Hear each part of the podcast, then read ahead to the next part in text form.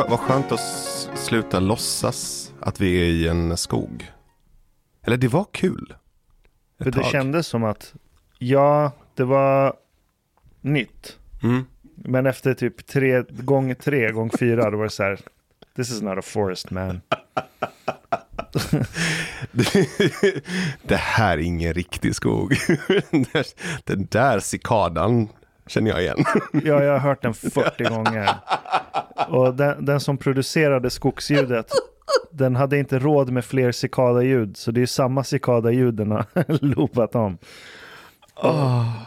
Så, och det funkade ju bara för att vi hade ögonbindlar. Jag tror att det var den grejen som jag tyckte om mest faktiskt. Ja, För ögonbindlarna, jag minns inte ens hur vi kom på att vi skulle göra det, men den gjorde någonting nästan psykedeliskt med mig. Ja, ja, ja den, den hade en psykedelisk effekt. Det har den. Mm. Och det, det, där, det där är faktiskt, jag, jag kommer inte ihåg hur vi fick idén, men att jag var så positiv till den, att vi ska sitta med ögonbindlar. Det är för att jag läste ett forskningspapper där de experimenterade på människor som fick ha ögonbindel i två, tre, fyra och fem dygn. Dygnet runt. Mm. Helt friska personer. Just det. Ja, och då började deras eh, eh, nervkopplingar organisera om sig för att anpassa sig till att vara blinda. Mm. Eller vad det nu Precis. tolkades som i deras skallar. Ja. Så då började syncentrat användas till annan processing. För att göra andra uppgifter. Det För kopplades om. Ja, man kunde se att det började kopplas om. Mm. Och det ser du hos blinda människor. Vissa som blir blinda, de tappar hela sin eh, bildliga fantasi. Så de tappar till slut förmågan att tänka i bilder, att föreställa sig saker. De får ju det här som vissa människor föds med, aphantasia. Så här, kan, kan du föreställa dig ett äpple? Nej. Det är vissa människor som är så. Och de, de kan inte drömma i bilder, de drömmer bara i ljud. Fastän de inte är blinda på riktigt. Men, men de som blir blinda i vuxen ålder av någon olycka eller whatever. Eh, vissa tappar bildlig förmåga helt, andra, hos andra förstärks den. Hmm. Och blir mycket, mycket starkare. Inte att du kan se obviously, men eh, tvärtom så kan du börja, du får en helt inre värld av bild. Som bara består av din fantasi. Så din inre bildliga fantasi blir starkare.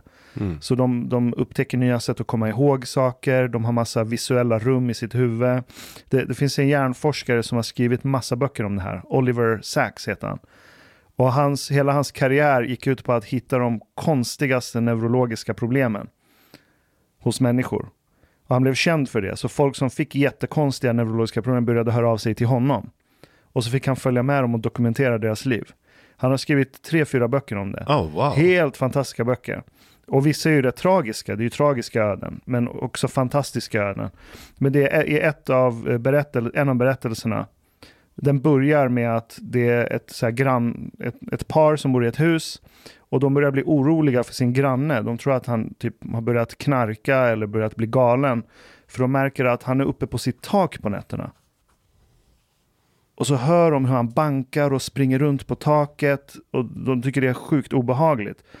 Ehm, men allt det här visar sig vara att den här grannen är blind. Och han håller på att lägga om sitt tak. Och det, det är inget problem för honom att gå upp på Det är, en, natten. det, är, är en synvilla. Ja men i hans huvud så Det är... är så. Han är på taket på sin synvilla. Aha. Jävla göteborgare. alltså. Men det, Han, lägg, han är blind och lägger om taket på natten. ja, han på, det är mitt i natten och han lägger om taket. Så det var inte att Oh, det, wow. det, det, det var inte ljudet som var problemet. Han var inte dum i huvudet. Så det var inte, det var inte ljudet som var problemet. Men grannarna hörde att så, han, han går runt på sitt tak. It's fucking weird man. Varför gör han det? Ja, han la om sitt tak. Så han gjorde det på nätterna. Av någon anledning då. Det spelar ingen roll för honom. Nej, och det gick skitbra. Det är lika mörkt ändå. Japp. Fast han blir ju ändå trött.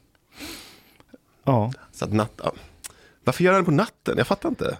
Ja men för, han, för honom spelar det, han kanske hade semester två veckor Ja. och du vet, för honom är det väl skitsamma. Du vet, vadå, jag kan ju sitta på natten och pyssla med någonting på sant. datorn till fyra på morgonen. Och det kan väl vara meditativt, meditativt att lägga om taket. Men i alla fall, det var i den svängen som jag fick lära mig om att det räcker med två till fem dygn för att du ska kunna se i magnetkamera. Att hjärnan börjar redan där anpassa sig och koppla om sig. För att för den, den här nya verkligheten där allting är svart. Så då sitter ju inte nerverna där och bara chillar, utan de kommer till nytta på något annat sätt. Så ja, det var psykedeliskt att ha ögonbindel i två timmar. Det var det. Jag, jag tycker det märktes också på, på samtalet, men också på tempot, på... Din röst blev ganska annorlunda mot hur jag är van vid att höra den. Mm. Du pratade mycket lägre och mörkare och basigare. Eh, och plus att när vi, när vi sitter så här nu och pratar med varandra och vi ser varandra. Så ser vi också kroppsspråk och vi ser också andra signaler som tyder på att men nu tar jag en paus i mitt pratande eller nu, nu finns det möjlighet att flika in. Men den behöver man ju typ lyssna in. Ja, så det blir en helt annan sprödhet också, du vet, i så här. Och så blir det tyst ibland för att båda sitter så här. Är det jag? Eller är det han? och så finns det den här lite försiktiga. yes. Så det händer ju någonting med, med samtalet. Vilket gör att innehållet också förändras. Oh ja, Medium, message och så vidare. oh ja. Så det finns ju en McLuhansk nivå av det som är jävligt spännande, vilket gör det ännu roligare med tanke på hur mycket vi pratar McLuhan. Eh, och kaos. Och eh, liksom att vara i det okända och det ovissa. För det blev ju det också. Men det, det liknar lite mer brevväxling. Visst? ja. när du inte ser ansiktsuttrycken. Så det, det, det blir svårare på ett sätt att grotta sig ner i någonting och börja borra. För jag kan ju se på ditt ansiktsuttryck när du börjar spåra iväg på en tråd. Så kan jag se om du gör det av nyfikenhet, om du gör det för att du behöver göra en statement, om du gör, då kan jag se det i din blick. Och då kan jag reagera på det annorlunda. Jag kan välja att jävlas mot din statement, eller så kan jag välja att vara nyfiken tillbaka. Så det blir, det blir färgrikare utan ögonbindel. Har jag landat i. Mm, kanske, jag är, inte, jag är inte säker. Jag är fortfarande... Min nyfikenhet på, på ögonbinden och sinnesdepriveringen Ja, är väldigt, väldigt eh, stark. Jag är fort, fortsatt nyfiken, om inte mer nyfiken. För det här är en... Det blev en kombination av typ att vara i en floating tank. ja, Och att vara på den här svartkrogen med de blinda servitörerna som jag var på för ett tag sedan. Och psykedelika.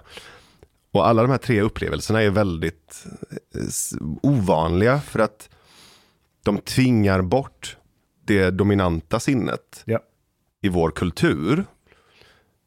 Men kanske också i synnerhet hur du och jag brukar navigera i världen. Mm. Och plocka bort det. Det plockar bort vår främsta styrka egentligen. I sinnesväg. Och tvingar oss att bli typ amatörer. På ett sätt.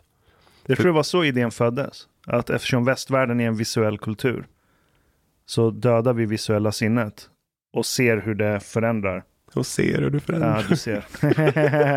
Mm, Fuck. Ja, exakt därför. Vi är marinerade. Som fan. Som fan. Och sen plötsligt så bara, ja ja, nu har vi gjort eh, nio avsnitt, åtta avsnitt, Mm, nej. nio.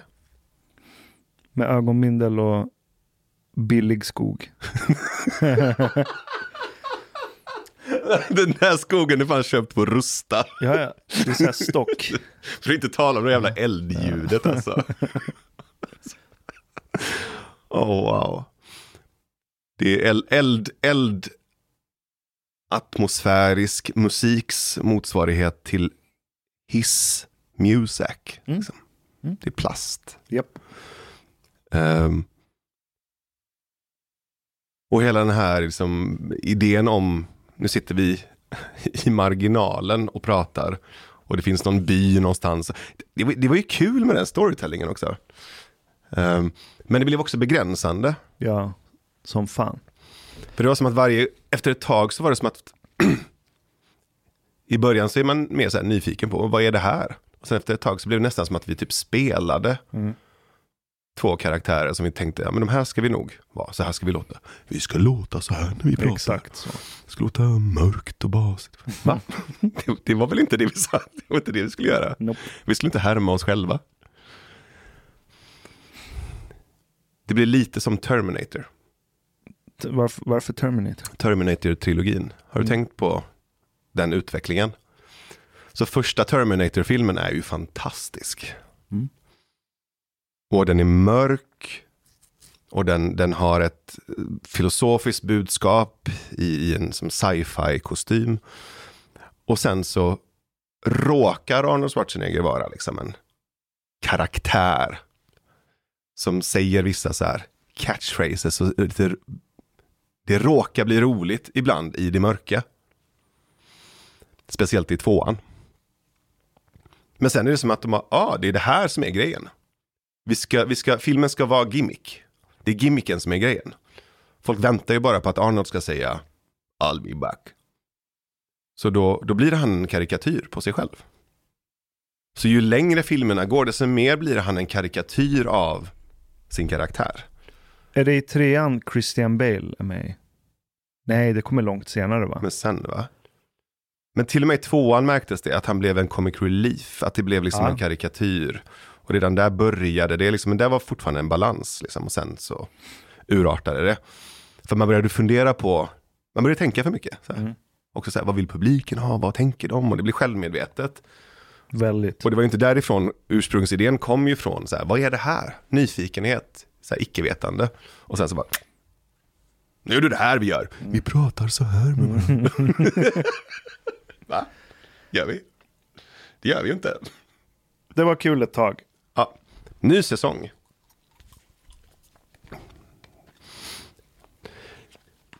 Jag, jag, jag vill prata med dig om eh, djur. Jag vet att du är precis som jag eh, väldigt nyfiken på och så här, titta djupare på hur djur funkar och vad fan de håller på med. Och jag tror det var när vi pratade om de här myrkolonierna som du hade tittat lite närmare på. Som hade slavhandel med sina barn. Det, det var inte barn. De, de, gick, de anföll andra myrstackar som bestod av andra arter. Och så kidnappade de myror därifrån och använde dem som arbetskraft i sin egen myrstack. Det var så de gjorde. Mm. Jag trodde de sålde sina egna barn och fick mat från de andra Nej, nej, kolonierna. nej, nej, nej. Så sofistikerade var de inte. Men jag har ramlat in i ett eh, kaninhål, no pun intended. En serie som, som går på Disney Plus nu som heter Super Slash Natural. Som är sex en timmes avsnitt. Det är James Cameron som har producerat. Vilket lovar en otroligt hög nivå av kamerateknik och eh, produktion. Och sen är det Benedict Cumberbatch som är berättaren. Alltså det, det är den perfekta liksom, förutsättningen för bra Jag, jag såg trailern på den. Och jag fattar varför det är James Cameron. Det är inte bara en gimmick. Att nu, nu betalar vi någon grym director. Utan de tagningarna och scenerna som var med i trailern. Du behöver en så sjuk person som Cameron. Han är sjuk. Han är sjuk. Han är, han är en galning. För du kan inte filma de scenerna med de kameror och den teknik som finns på marknaden. Du måste bygga din egen jävla Frankenstein-version av en Ja. kamerarigg för att få de tagningarna. Ja. Så det makar helt sens att det är han som har gjort det. Eller i alla fall producerat det och väglett. Ja. Och det de gör som jag tycker är så jävla häftigt är att de tematiserar avsnitten på ett sätt som jag inte har sett förut i naturfilmsväg. För vanligtvis när du, när du, när du kategoriserar avsnitt eller bitar i naturdokumentärer så brukar det vara ganska klassiska tematiseringar. Under vattnet. Mm. Polaräventyret. BBC gjorde ju så BBC. i den där stora. Ja, det är liksom, det är lättsmält. Mm. Och det är, eh, ja, vad kul. Nu, eh, nu blir det savannen. Det är väldigt Carl von Linnéigt. Ja, Kategoriserat. Ja, det, är- det är boxarna. Ja. Liksom. Medan den här tematiseringen sker mycket mer på tvären. Och är mycket eh, mer intressant. För plötsligt så är det så här, första avsnittet så här, handlar om relationer. Andra avsnittet handlar om rivaler. Tredje avsnittet handlar om artöverskridande samarbeten. Snyggt. Så det är gränssnitt. Exakt. Eh, Och jag har hundra exempel på när jag sitter liksom och har tappat hakan i soffan och inte vet vad fan jag ska ta vägen med den här informationen som jag har fått. Det finns så många tydliga exempel på saker som ja, men, i alla fall jag inte kände till eller visste om hur djur, hur otroligt sofistikerat det är. Jag, jag vet ju att det är sofistikerat, men det kommer som nya nivåer av bortom de här. Åh, den där fågeln gör en rolig matadorparningsdans för honan. Okej, okay. den här fågeln sätter upp fem pinnar. Som en så här, tänk... Blair Witch. Nej, fem pinnar som, som bygger nästan som en eh, oktagon i, i liksom en fighting-arena. Eller typ som ett, eh, som tält, tältpinnar. Tänk mm fem tältpinnar. Ja. Som ett eh, pentagram. Som tittar på det ovanifrån så ser det ut som pentagon. Men det är fem pinnar som sticker upp. Så det skapar en, en ett pentagram. Ja. Så, så tänk fem bambupinnar som sticker upp ur jorden. Och sen så rensar han allting runt omkring så att det är cleant. Okay? Och sen sitter hon där uppe. Och så börjar han hoppa. Tänk dig, han hoppar mellan de här pinnarna. Och det ser ut som ett slumpmässigt mönster. Och varje gång han hoppar från en pinne till en annan så hör man. Knäpp. Exakt. Var kommer knäppet ifrån? Det vet du inte Aha. förrän du zoomar in och saktar ner jättemycket. Och då ser du att när han hoppar från en pinne till en annan så för han vingarna ihop och klappar. Aha. Och han vet var hon sitter och ser honom ovanifrån. Så det han gör är att han, han demonstrerar sin vingbredd för henne. Shit. För att visa, jag är alfa. Men han gör det som en cirkustrapetskonstnär. Det, det är det sjukaste jag sett. Alltså, och han hoppar i ett, liksom, ett jättetydligt koreograferat mönster. Liksom. Och sista gången, och han gör det under en viss tid, och sista gången, sista klappen, så gör han en volt och landar på fötterna i mitten. och, hon, och hon sitter där uppe och bara... Nice. Och sen ligger de. Alltså att sitta och titta på det här i någon slags halvfebrigt tillstånd. Istället för att läsa nyheterna. Och bara fascineras över hur elefanter kan kommunicera med vibrationer från sina fötter flera kilometer för att kommunicera till en elefantmamma och hennes nyfödda som har kommit bort ifrån flocken för att den nyfödda är lite för långsam. Så kan resten av flocken vibrera kommunikation till henne att vi har hittat vatten, ge inte upp. Du är Bara genom att stampa i marken? De stampar inte, de håller fötterna på marken.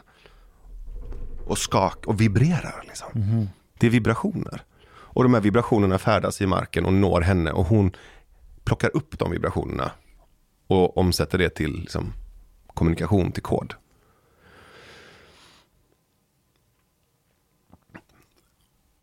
Men det är ju också att när jag tittar på nyheterna, när jag, när jag, när jag går in i det flödet, alltså det samtida liksom dramat, allting som händer, aktualiteter, då, då tittar jag ju på oss med samma liksom, fascination över vad håller den här hanen på med? vad håller här, den här flocken? Hmm, vad intressant. De, de jobbar med hierarki på det här sättet. Um, så jag blir inte lika så här investerad i det mänskliga dramat för jag tittar på det som om vi var en del av det här andra. Också. Vi är, vi är en del av det Jag vet. Men det är som att vi beter oss som om vi inte var det och pratar om oss som om vi inte var det. Bara att vi säger så här, ordet naturen. Liksom. Mm. Mm. så här. Det är faktiskt väldigt roligt. Att vi har ett ord som heter naturen. Mm. Det är jättekomiskt. För du har, du har hört den här gamla... Eh, det är väl en mi mikrofabel, kan man kalla det. Mm. Där det är två unga fiskar som simmar så här, så kommer en gammal fisk. Den här gubbfisken ropar till de två ung, unga fiskarna. Hallå grabbar, hur är vattnet idag? Och de bara tittar på honom och skakar på huvudet. Så simmar de förbi och bara. Vatten? Vad menar han? Ja, men det är som min eh, mediateoripräst mediateori-präst, John Culkin, 60-talet. Jag tror det var han som myntade den fabeln. Han sa, vi vet inte vem som upptäckte vatten, men det enda vi vet är att det inte var en fisk. Det är ju samma grej, Just det, right? just det. Att om du, du, du är så insupen i en miljö, så är den osynlig för dig. Det är ungefär som svensk kultur. Ja. Jag har hört så många svenskar prata om sina egna kulturella fenomen som sunt förnuft. Mm. Nej men vadå, det är sunt förnuft. Nej, det är din kultur. Det är klart det ska vara så här. Alla andra vet att det ska vara så här. Mm. De har inte bara kommit dit ännu. Men är, är alla kulturer så? Nej, absolut inte. Det beror på var landet ligger också. Det är jättemycket position, tror jag. Eller geografisk. Location, location, location. Ja, men jag tänker på persisk kultur. Pratar vi om persisk kultur när vi är med perser? Absolut. Ja, Men det, vi kanske gör det vi för säger att vi... bara att vår är bättre. Okej, fair Och då enough. måste den finnas. Men, det är för att, men det är inte för att vi är i Sverige. Så vi ser ju hela tiden den här kontrasten mellan en Har du kultur... sett en iranier i Iran prata med en afghan? Nej, fair enough. Ja, det är sant. Jo, okej, men eh, okej. Om svensken är kulturrelativist Ja. så är Iranien kulturelitist. Yes. Och det kanske beror på att Iran är multikulturellt. För perser är ju bara 60% där. Mm. Så perser har hela tiden saker att jämföra sig med. Mm. Du kan titta på afghanerna, du kan titta på turkarna, du kan titta på azerbajdzjanerna, Mm. du kan titta på kurderna, balucherna. Ja, men Iran är också omringat av andra kulturer. Yes. Av andra religioner. Som inte är som den persiska. Ja, så det är både innanför landet och utanför landet så har du hela tiden kontrastmedel mot det persiska. Så vi är sjukt medvetna om vår egen kultur. Så du vet ett barn som inte får träffa andra barn. Som inte får träffa andra djur. Som inte blir utsatt för allergener eller för smuts eller för, du vet. Kommer ju utveckla allergi. Alltså kommer ju bli ett skört barn. Yes. Mm. Om vi snackar Jonathan Haidt, jordnötsmetaforen. Ja. Du vet.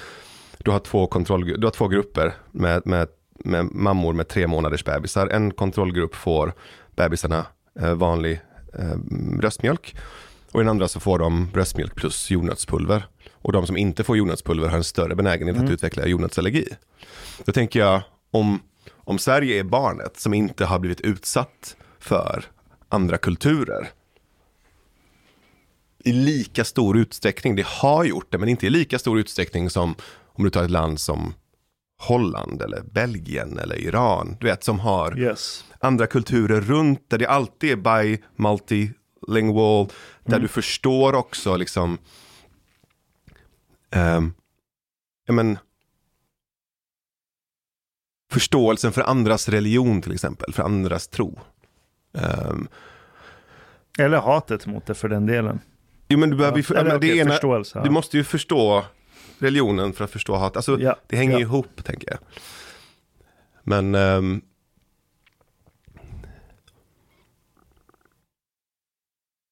Ja, men där kommer position in. För Sverige har varit väldigt ombonat av, eller Norden överlag, av skärgård. Som har historiskt varit svårt, svårpenetrerat. Så det är inte en slump att det har varit färre krig och stora slag här. Jämfört med andra delar av världen. Vi har haft skärgård. Och så har vi haft snötäckt landskap. Vilket betyder att vi har inte behövt uppfinna och bygga ett väldigt effektivt vägnät. För att makten ska kunna ta sig ut i varenda by. Och homogenisera folket. För vi har kunnat använda skidor. I Frankrike behövde du vägnät.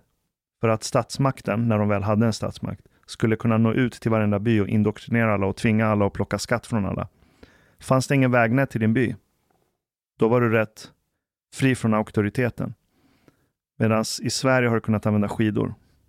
och ta dig ut överallt. Och inte året om, men minst en gång om året. För att plocka skatt, göra husförhör.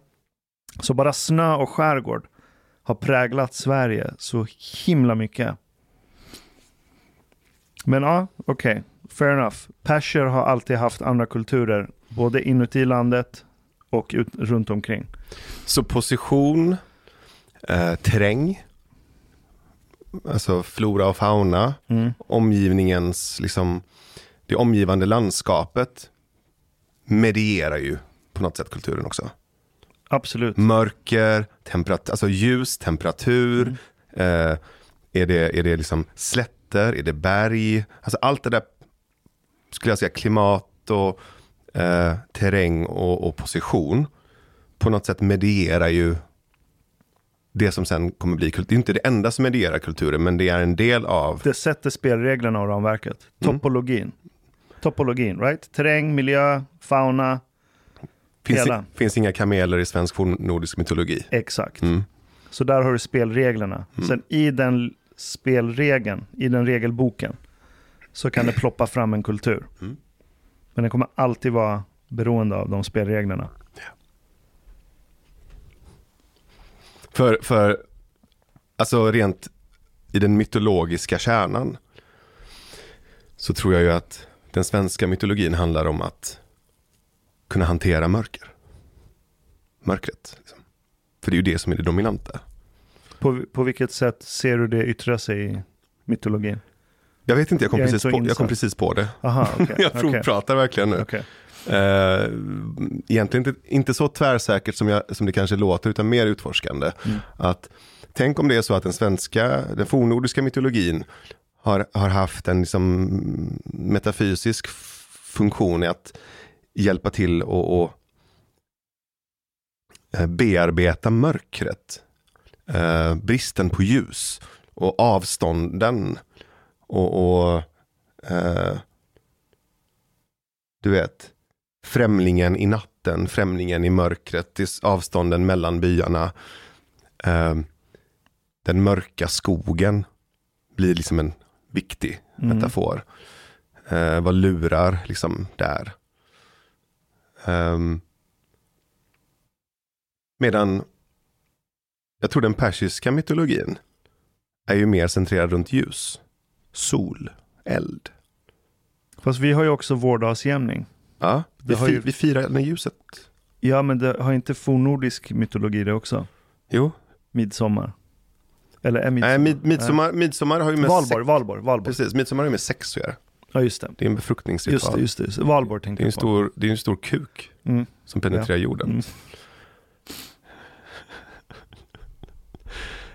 Um, och vi är ju, vi är ju soldyrkare, mm. rätt och slätt. Persia? Ja.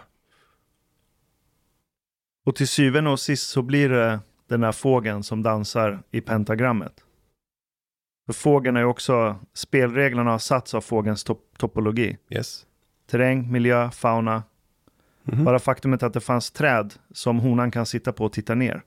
Om det inte fanns den vinkeln så hade du inte haft ett pentagram.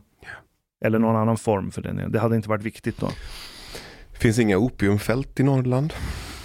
Mm, nej. Nej, det spelar också in. Alltså tänk, om man tänker liksom att många av de här skapelseberättelserna och de mytologiska uppkomsterna kommer ju från kanaliseringar av så här druider och häxmästare och schamaner och den typen av liksom personer som kanske inte bor på huvudstråket mitt i byn mm. direkt. Mm. de är för stökiga. Det beror ju på vilka substanser de har haft tillgång till för att göra den kanaliseringen. Är det, är det liksom vediska shamaner som plockar svampar ur kospillning? Eller är det liksom afghanska eller persiska liksom mystiker som, som ligger på ett vallmofält och tittar upp mot bergskedjorna? Eller är det som svenska häxmästare som har eh, så här, trollska skogsritualer med flugsvamp. Och ur varje sån ritual så kommer det ju en berättelse. Och den berättelsen kommer ju både ur ritualen, men ritualen faciliteras ju både av plantan, men plantan kommer ju från den terrängen. Så att allt det här medi- medieras ju på något sätt genom schamanen eller den karaktären som, som då sen berättar den här historien, eller de här historierna, eller sjunger de här sångerna för de andra. Sen börjar ju de här olika karaktärerna och mytologin ta form liksom, genom berättelser och sånger. Men någonstans är det ju det är typ jorden, eller liksom platsen. Basically. Som sjunger. Ja, du får inte persisk poesi i stil med ja, men Omar Khayyam. Vad heter de andra stora? Rumi, Exakt. Hafez. Hafez tänkte jag på. Mm. Du får inte det utan asmycket rödtjut och vallmo. Mhm. You need that. Ja. För att få den här väldigt lugna, accepterande, go with the flow. Och lite emo. Ja, absolut. absolut. Det är lite rödvins-emo också. Det är rödvins-emo. Det är Mm. rödvins-emo i det. Det är det. Då behöver du rödtjut. Och en skvätt opium då. då. Ja. Och sen har du, på andra sidan så har du flugsvamp och mjöd. Ja, vi ska trycka ner en kuk i jorden. Så tänker du inte om du är hög på opium. Och hällt ner en eh, tunna vin i käften. Hörni grabbar, kan ni bygga en kuk av blad? Och, och stommen måste vara hård, för vi ska trycka ner den i jorden. Omar! Omar! Varför då? Den, den, den, den saknar pungkulor, Omar. Det- Nu är det bara en pinne i jorden. Den är för liten, Omar. Jag sitter och liksom brainstormar fram midsommar. Utanför Yazd. Jätterolig. Jätterolig scen ju. Det är så här. Nå- Någon av de här persiska mystikerna har varit på studiebesök i Sverige. Kommer tillbaka och bara grabbar. Jag har den bästa idén. Alla vi kommer få ligga. Du också Hafez. Vad? Vi ska ha knullafton. Mm. Är det verkligen bra? Är det bra? Amir, lägg bort opiumpipa. Lyssna. Amir! Lyssna nu. Amir, släpp bången Amir.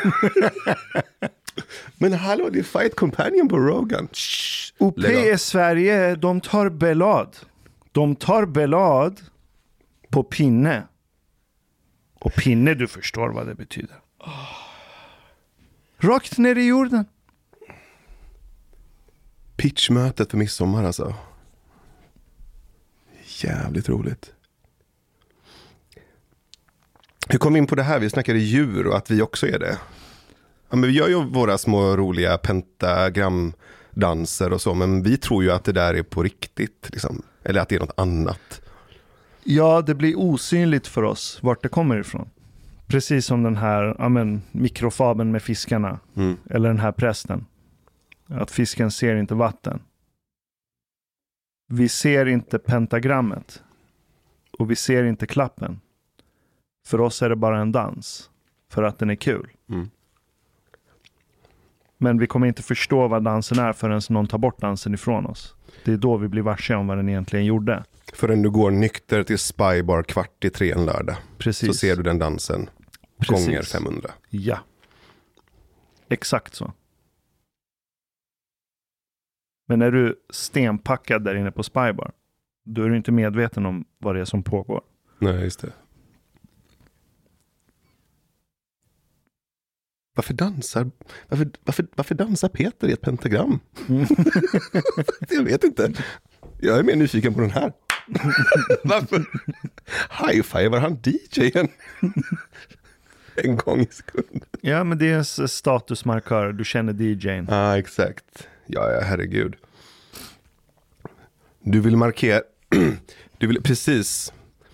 Så Peter gör ju den här dansen, han går fram till DJen, high-fivar DJen, går till bartendern, beställer drinkar till gänget. Det han gör där är ju den här pentagramdansen, för han visar ju för honorna i flocken att det är han som är the clap. Yes, yes. Exakt så. Han visar vingbredden. Och de andra hanarna runt omkring vill ju bara vara Peter. Japp.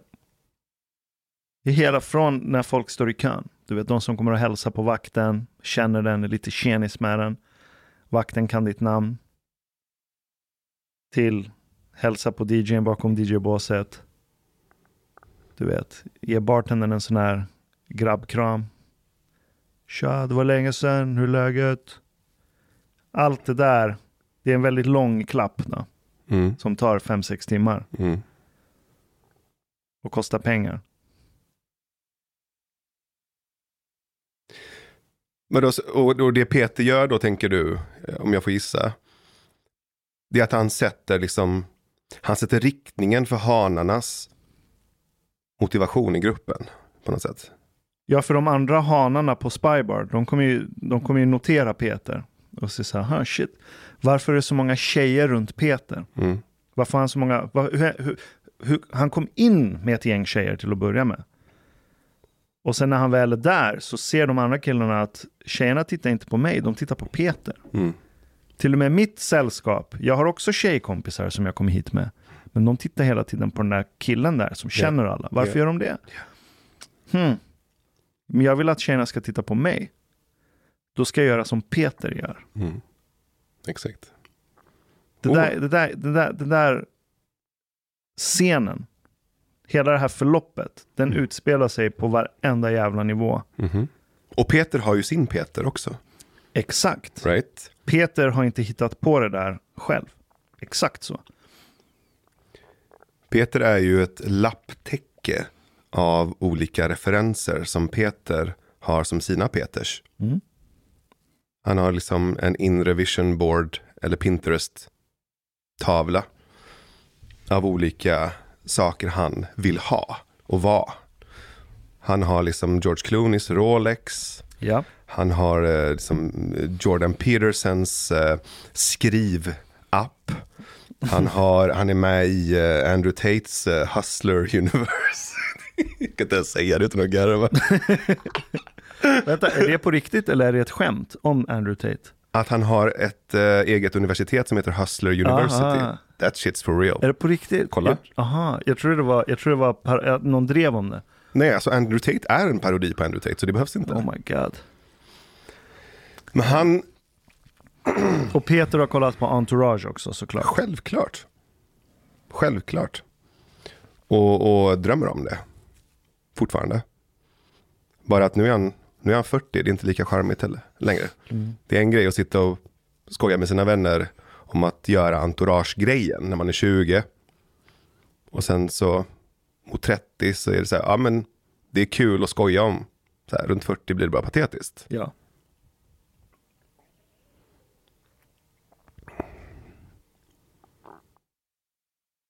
Men ja, där är vi ju extremt mycket djur. Jag vill ha det Peter har. Jag, om jag skaffar det som Peter har så blir jag Peter och då får jag det Peter får. Typ. Mm. Och Peter har ju testat sig fram. Han har säkert imiterat andra. Innan han började imitera vad det nu är, Andrew Tate och Rolex klocka och Entourage så har han provat imitera annat. Som kanske inte har funkat för honom av olika skäl. Men nu landat i det här. Och det verkar funka väldigt bra på Spybar. Mhm. Så människorna som går till Spybar av någon anledning, vänder, om du är tjej så vänder du dina blickar mot Peter. Ja. Och de tjejerna har ju tittat på sina varianter av Andrew Tate och Entourage, om det är Sex and the City istället. Och så vidare. Va? Och det funkar väldigt bra i den miljön. Och killarna som är i den miljön ofta, de kommer börja imitera Peter. Men byt kontext på det och se vad som händer. Ta hela det spelet som Peter och hans eh, små peterianer håller på med. Och så bara lyfter du hela spelet så. Och så sätter du ner det på Burning Man. På Burning Man. Mm. Du tar Peter, Mm. hela det här begärspelet som han spelar med sina små minions under sig som vill vara som honom och ha det han har. Du tar hela det spelet, för där, det där spelet funkar ju i kontexten Stureplan. Det funkar på Spybar. Men du tar hela det spelet, lyfter det och sätter det på Burning Man. Eller sätter det på...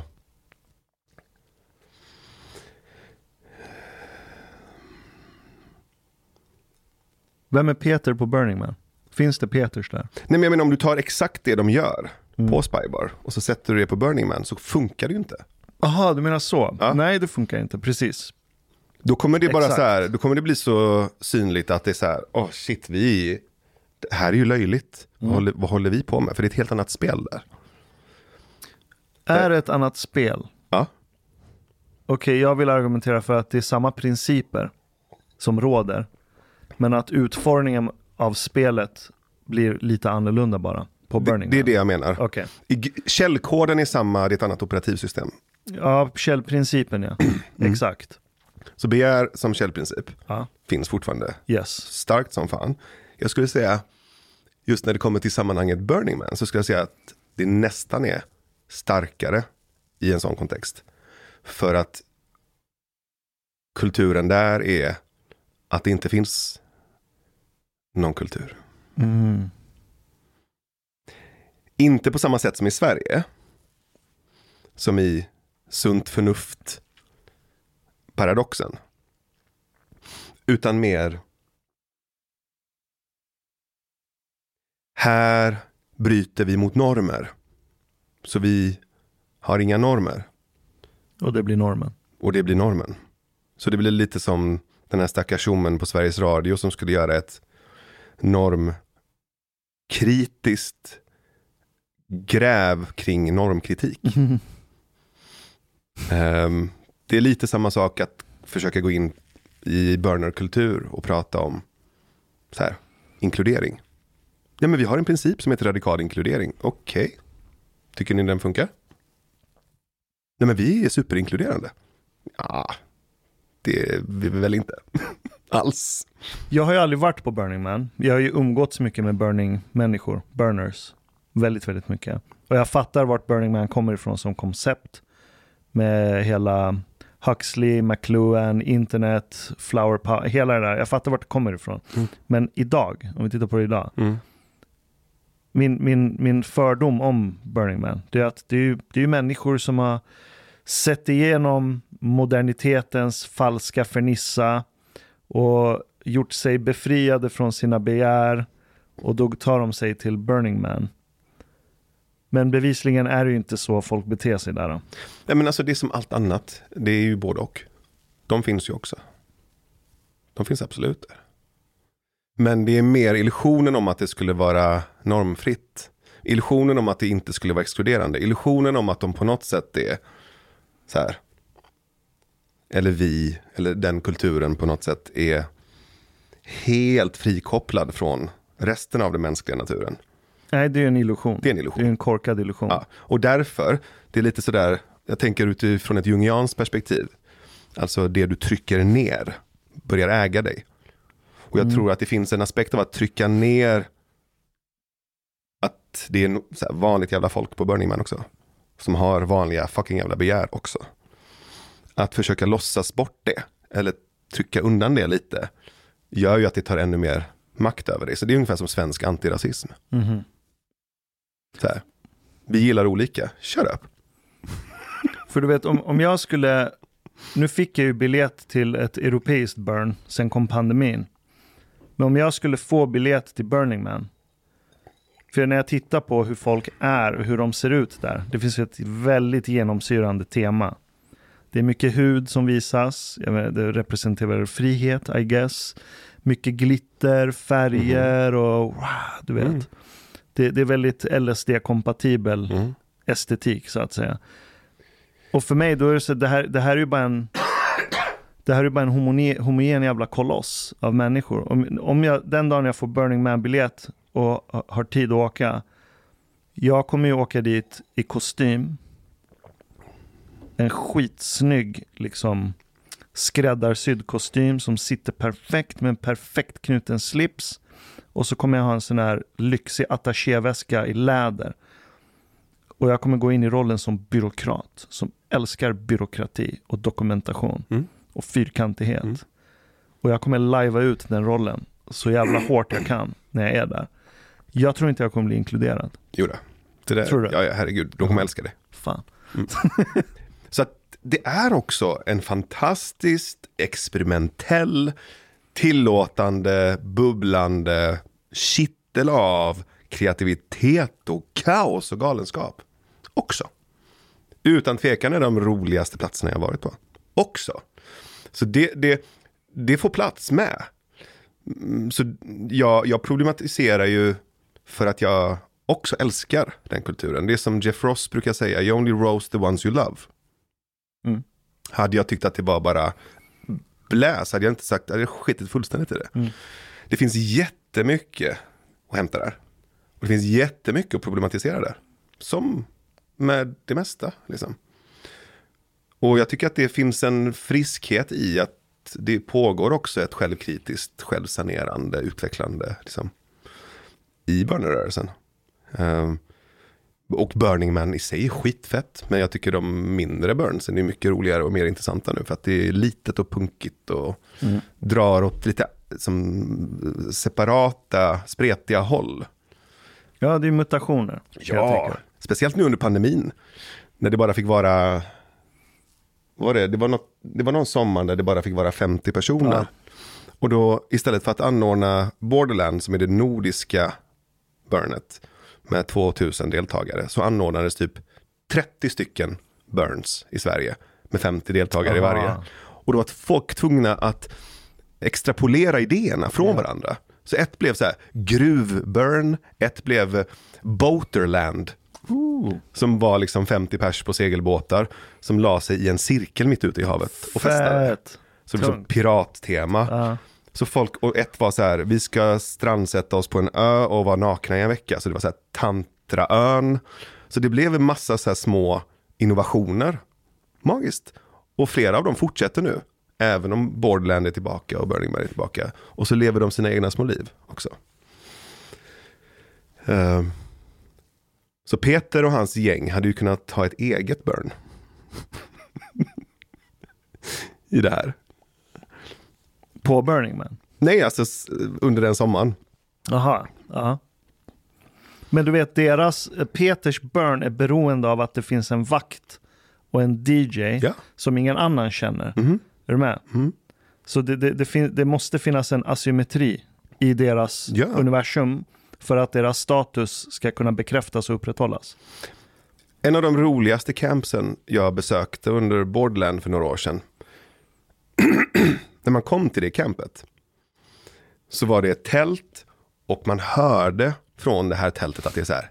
Det är en fet jävla fest där inne.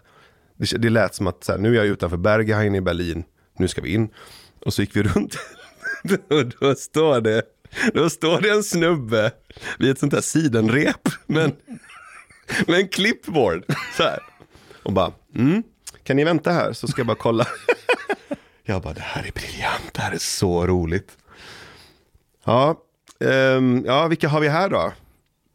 Och jag fattade ju på hans ton att så här, game on liksom. Jag bara, ja, jag heter Dr. Chivago, jag har min hund här med mig. Och så har jag min sexslav här vid sidan av. Ja, så vad heter hon? Rosita heter hon, ja perfekt. Rosita har vi här, Dr. Chivago och så hund. Så, här. och så gick vi in. Och så sneglade jag så här på hans clipboard. Det var ett helt tomt papper.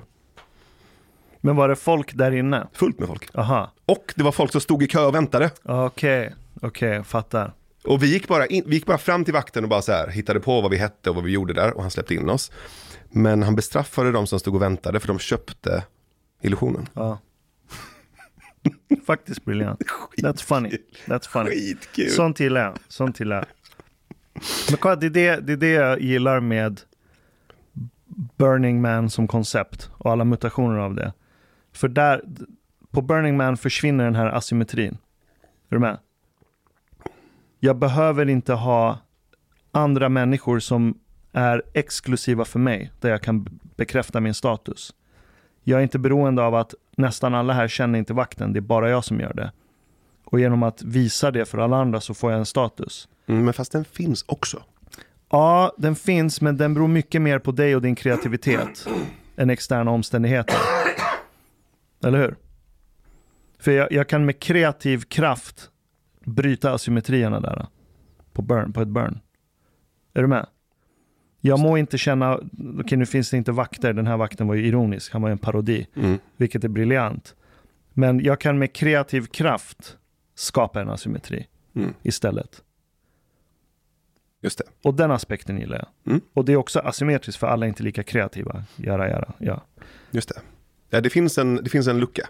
Den är inte institutionell, Mm. om man kan beskriva det så. Den är inte cementerad, den är lera. Yes, Mm. yes. Mm. Och den, den är hela tiden rörlig.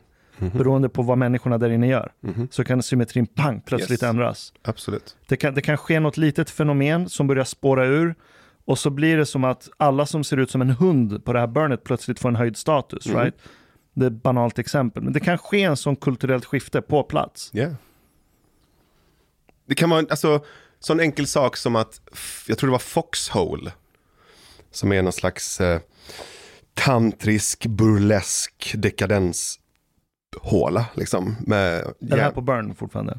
Det är på, på, på Burn, ja.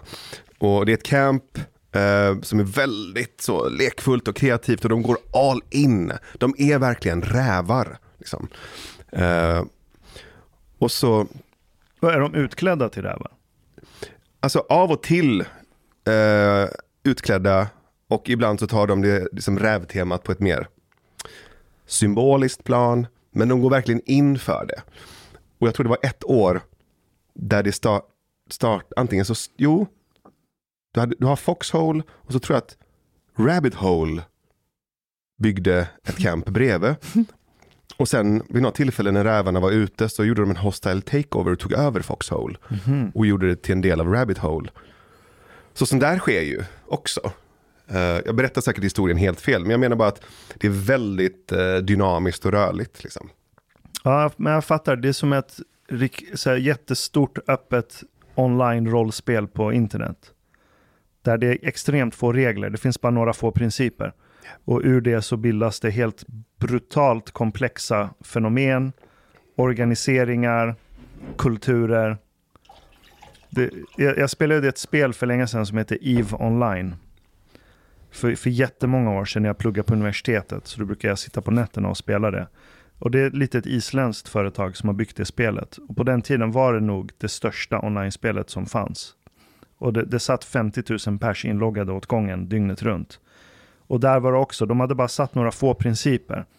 Där det var, de hade byggt en galax med alltså, flera hundra, om inte tusen solsystem, då, stjärnsystem. Och så fanns det lite lagar du behövde följa. Som att du behöver ett rymdskepp för att kunna transportera dig. Och rymdskeppen byggs av material. Materialen finns utspritt på olika planeter.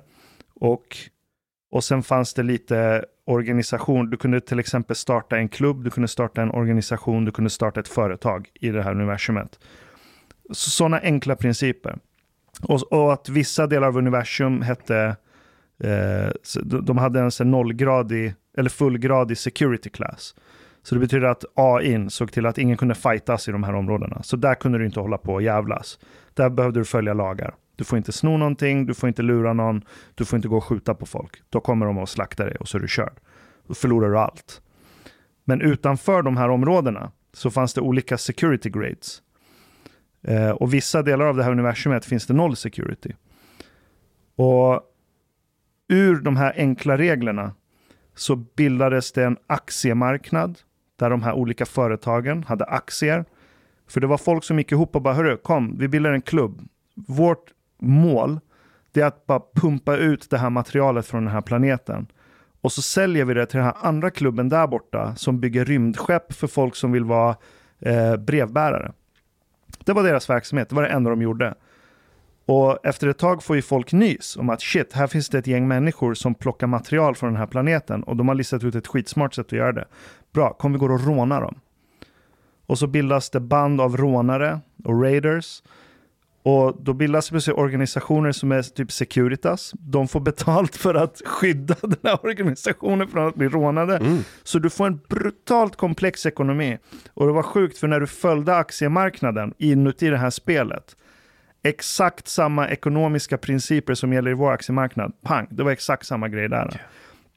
Så du får den här brutala komplexiteten av bara några få regler. Och det är ju det, det är så Burning Man fall, faller ut också.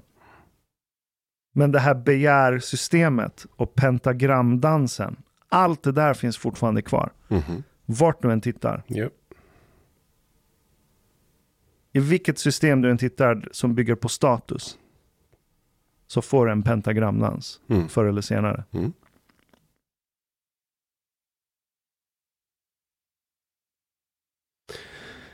Jag tänker att det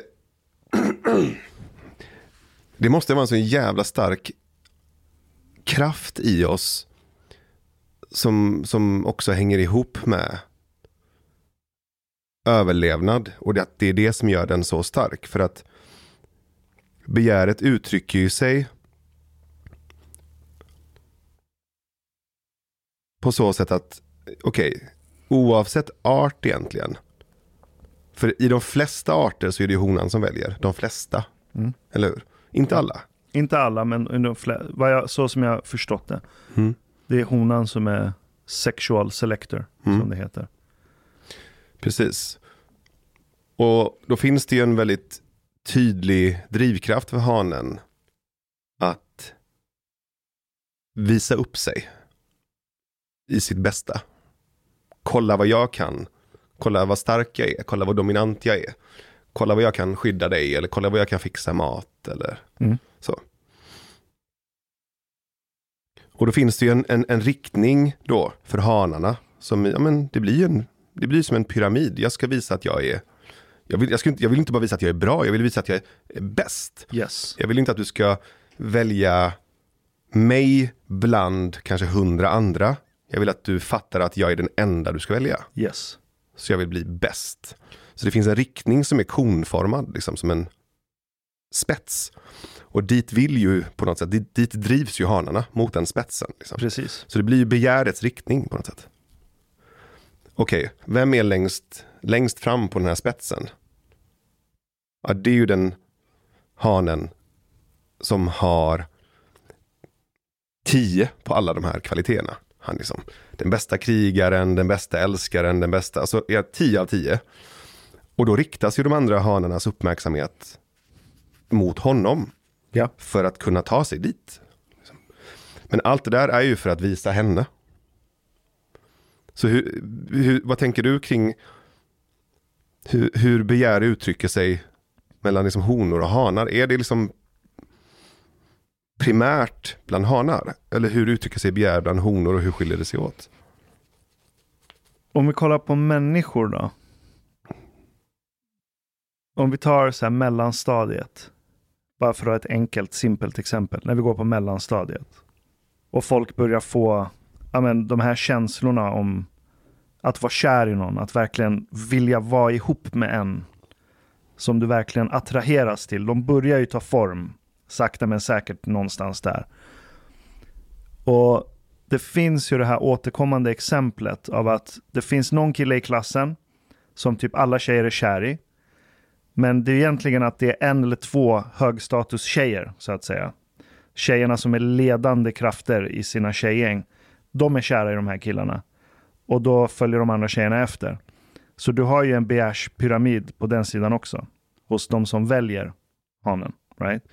Och sen finns det här återkommande exemplet att det kanske varit någon kille som ingen har lagt så mycket märke till. Han kanske varit tönten eller bara varit anonym. Och sen händer det något, du vet. Han kommer tillbaka från sommarlovet, han har varit i USA och träffat sin kusin, de har hängt i New York, han har köpt lite nya coola kläder som de andra inte har tillgång till för att det gick inte att beställa de kläderna liksom, till Sverige tidigare. Exakt, en sån grej. En sån grej. Eller att den kanske växt jättemycket plötsligt. Är det en ny kille i klassen? Ny kille i klassen. Mm. Eller att det är någon tönt som typ hamnat i något bråk och typ visat sig vara slagit ner alla mobbarna. Mm. Du säger shit, fan Hampus, vart, jävlar vad cool han är. Han stod upp mot de här mobbarna, fuck. Mm. Och så ändras hela den dynamiken. Och så är det någon av de här högstatus-tjejerna, alltså högstatus citattecken, som är ledande, som är dominanta bland tjejerna, som plötsligt börjar titta på Hampus. Och då kommer de andra tjejerna börja följa efter. Och det är ju samma, det är någon, två, tre tjejer som börjar gilla Backstreet Boys. Och så gillar alla tjejerna Backstreet Boys. Samma sak. Och då kommer ju hanarna börja anpassa sig efter det. Så det är, en enkel, det är några enkla, simpla principer som ligger där i grunden. Men som blir komplexa utifrån det som är. Det är som du vet sådana här fågelflockar man brukar säga ibland. Ute typ på, på landsbygden där det kommer 2000 fåglar. Ja, men en riktig svärm. Liksom. Svärm, stor svärm. Och så ser det kaos ut från början. De bara kommer som en svärm och så plötsligt börjar det uppstå mönster i den här svärmen. Mm. Och så ser det ut som en symfoni, en dans. Och så börjar de vrida och vända på sig. Det ser ut som en stor organism. Mm. Och försöker du hitta någon sorts logik i hur det där funkar. Du kommer aldrig hitta den logiken genom att liksom studera varenda fågel ensam, isolerad. Du kommer inte få ut någonting vettigt ur det för att förstå hur den här symfonin ter sig, hur den uppstår. Du, vet, där- du vet vad logiken är va? ja, I, ja. I grupper om sex. Att de sitter ihop i grupper om sex. ja, det kan vara så för vissa fågelarter. Ja, precis. Det är, eh, det är inte, so- sorry, för att vara noggrann, inte för alla, men det var också en del av den här dokumentärserien, så visar de just hur den svärmen funkade. Ah, okej, okej, okej. Och då var det i små liksom, lokala grupper om sex. Ja, Så det enda varje fågel behöver ha koll på, det är sina fem närmsta. exakt. Och då sitter de Precis. ihop, det blir som eh, eh, pentagram är ju fem, Ja, hex. hex, ja, hexa. Det blir som eh, hexagoniska gångjärn. Ja. Och du vet varje grupp om sex, om man studerar dem så kanske de förhåller sig, eller så behöver det inte vara. Min poäng är att om du studerar varje fågel ensam, du kommer inte fatta någonting. Nej, exakt. Men om du studerar principen i relationen mellan Exakt. fåglarna, Yes. då kan du börja hitta principerna. Yes. Right? Så till exempel i en viss svärm så finns det bara en regel. Och regeln är att varje fågel behöver ha, säg, nu hittar jag bara på siffror här. Varje fågel är kodad till att ha 30 centimeter avstånd Mm. mellan sig och alla andra Mhm. fåglar. Bara den principen räcker. För då flyger de i den här svärmen. Och vi ser ju inte, för vi tittar ju nerifrån, vi ser inte allt som sker där uppe. Men någon fågel där uppe kanske får syn på en, eh, på en rovfågel som ska attackera den här svärmen. Och då flyttar den på sig lite. Den vill inte vara längst ut i flocken och den försöker ta sig inåt. Och eftersom alla andra fåglar är också kodade till att hela tiden ha 30 cm avstånd mellan alla andra fåglar, då uppstår det här jättekomplexa mönstret. Ja. Samtidigt som en annan fågel på andra sidan svärmen har fått syn på en fluga den vill käka upp. Är du med? Då börjar den söka sig mot flugan och då kommer de andra följa efter. Så den enda regeln gör att det blir en dans och en symfoni, right? Mm. Så det är skillnaden på princip och någon så här påhittad naturlag. Utan det är bara en princip. Men den är i rörelse hela tiden. För de här fåglarna utsätts ju för saker som händer för dem. Mm. Så, det, det, så när du studerar relationerna, det är då du får ut extremt intressant information. Och det blir ju samma sak med begär. Det, det finns några få, säkert, få enkla principer som vi människor förhåller oss till hela tiden. Som vi inte är medvetna om, som vi inte tänker på så mycket. Anar du att principerna finns där i bakgrunden eller vet du vilka de är? Mm, jag har inte studerat eller satt mig in i det. Det kanske finns folk som har studerat, men om vi leker med det. Mm. Vi går på mellanstadiet. Säg att vi är 10 bast. Går i, vad är man då? Går man i sexan, femman, något sånt? Fyran, femman? Fyra. Ja, men säg 11 då. Vi går i femman. Liksom vi, v- v- vad är det för principer som jag hela tiden tänker på när jag sitter där? När det gäller relationerna till de andra. Jag tänker högt här nu. Nej, men det beror ju på vem du är. det beror på om du är, det beror på om du är en sån som rör sig med eller mot flocken. Alltså Mm. om du är en del av omgivningens rörelse eller om du är antisoci- antisocial. Så att det, det, det, är svårt att svara på det. Eh, för jag börjar, jag börjar direkt tänka på, för det finns någonting också att säga om ja, men det antisociala eller liksom antirörelsen. Jag blir nyfiken på om det finns som konträra djur. Just det, just det. För att den antisociala genen eller den antisociala karaktären i stammen har ju haft en funktion för oss. Väldigt tydligt. Ja, Den finns ju kvar av en anledning. ja. Eh, precis som psykopathjärnan. Yes. Finns yes. kvar. Mm. Så någonting där har ju, inom citationstecken, här, funkat. Ehm, så när du frågar, okej, hur relaterar jag när jag går i femman då? Till det som händer i gruppen? Ja, men det beror ju på Du, du, har, eh, du har rätt, du har en väldigt viktig poäng. Vi, kan inte ta konceptet fågelflock, där de har en regel som är håller i 30 cm från alla andra fåglar. Såklart. Det, visst, det finns, en, säkert en, eller det finns en individuell variation mellan alla fåglarna. Right? En fågels gener i den flocken kanske gör att den håller sig 29 cm från de andra fåglarna. Right? Eller att den kanske har ett synfel som gör att den alltid är 27 cm Mm. från de andra fåglarna. Mm. Och det kanske gynnar den någon gång. Och det leder till att den genen går vidare, right? Så det finns en liten variation där. Men tar du en människa, ja. Liksom jag, jag, jag var väldigt mån om att jag måste få bra betyg. Det var någonting. Men till bara- exempel. Jo, men bara det du berättade nu om Burning Man. Du sa, Ja. om jag skulle åka dit, Ja, då skulle jag ha, göra precis tvärtom. ja. Det är antisocialt. Okej, fair Mm. enough. Ja. Det, och det finns Det en, gör ju inte en, en alltså, vilken fågel gör det? Nej, det finns ingen autistskata. Eller skata med ADHD. Säkert. Eller det kanske finns. Men eh, jag, jag, jag, jag vet inte om vi har sett dem. Men ja, i klassrummet, det är, det är sjukt många små saker som spelar in där hela tiden. Yes. Så det går inte att förenkla det på den nivån. Men din kon var bra. Alltså konexemplet, pyramid. Att okej, eh, Eh, i den här klassen så finns det en hierarki, status. Eh, de där två, tre killarna, eh, de är coola av någon jävla anledning. Olika anledningar. Och så i tjejgänget så har du några, två, tre tjejer som är dominanta. Det är de som styr. Och så alla andra tjejerna kommer börja imitera dem. Och jag, jag, jag, vill, jag vill säga det också, att jag tror att det är viktigt att få med den antisociala aspekten också. För att det finns någonting i den som också är extremt knutet och bundet till gruppens rörelser och svärm. För de, de, de konträrar inte i ett vakuum. De konträrar alltid i relation till gruppens riktning. Yes. Så att, och det är ju ett försvar, tror jag, också. Ett försvar av vem? Eller Av att- för vem? ett försvar av att ge upp inför att idén om att försöka sträva efter det där begäret och spela det där spelet med de andra är för, det känns för hopplöst för just den personen. Yes. Så då gör de en antirörelse mot det istället. Men antirörelsen är alltid relaterad till den faktiska rörelsen. Den sker aldrig fritt. Där, alltså att vara konträr, att vara rebell, är ju ett litet fängelse. Konstant vara anti Yes. är inte fritt. Nej, absolut inte. Nej. Ab- absolut inte. Jag, jag, jag kan relatera till det. Till exempel, om jag kollar på coolingarna i min klass när jag gick i femman, sexan. Eh, vad, vad de hade gemensamt, det var att de var inte lika måna om att få höga betyg till exempel. Det var en princip jag inte kunde bryta emot. Jag kunde inte härma dem när det gällde det. Av diverse skäl. Kultur hemifrån, jag själv säkert. Tanken att jag skulle skita i skolan fanns inte. Det, det gick inte. Oacceptabelt. Det kan inte jag härma. Så då måste jag gå emot på något sätt. För jag vill ju inte vara längst ner i hierarkin. Jag tänkte inte i termer av hierarki då, men det var bara en känsla jag hade. Jag ville att folk skulle notera mig och bekräfta mig, obviously, banalt. Men jag kunde inte bryta mot den principen. Jag kunde kanske klä mig lite som dem.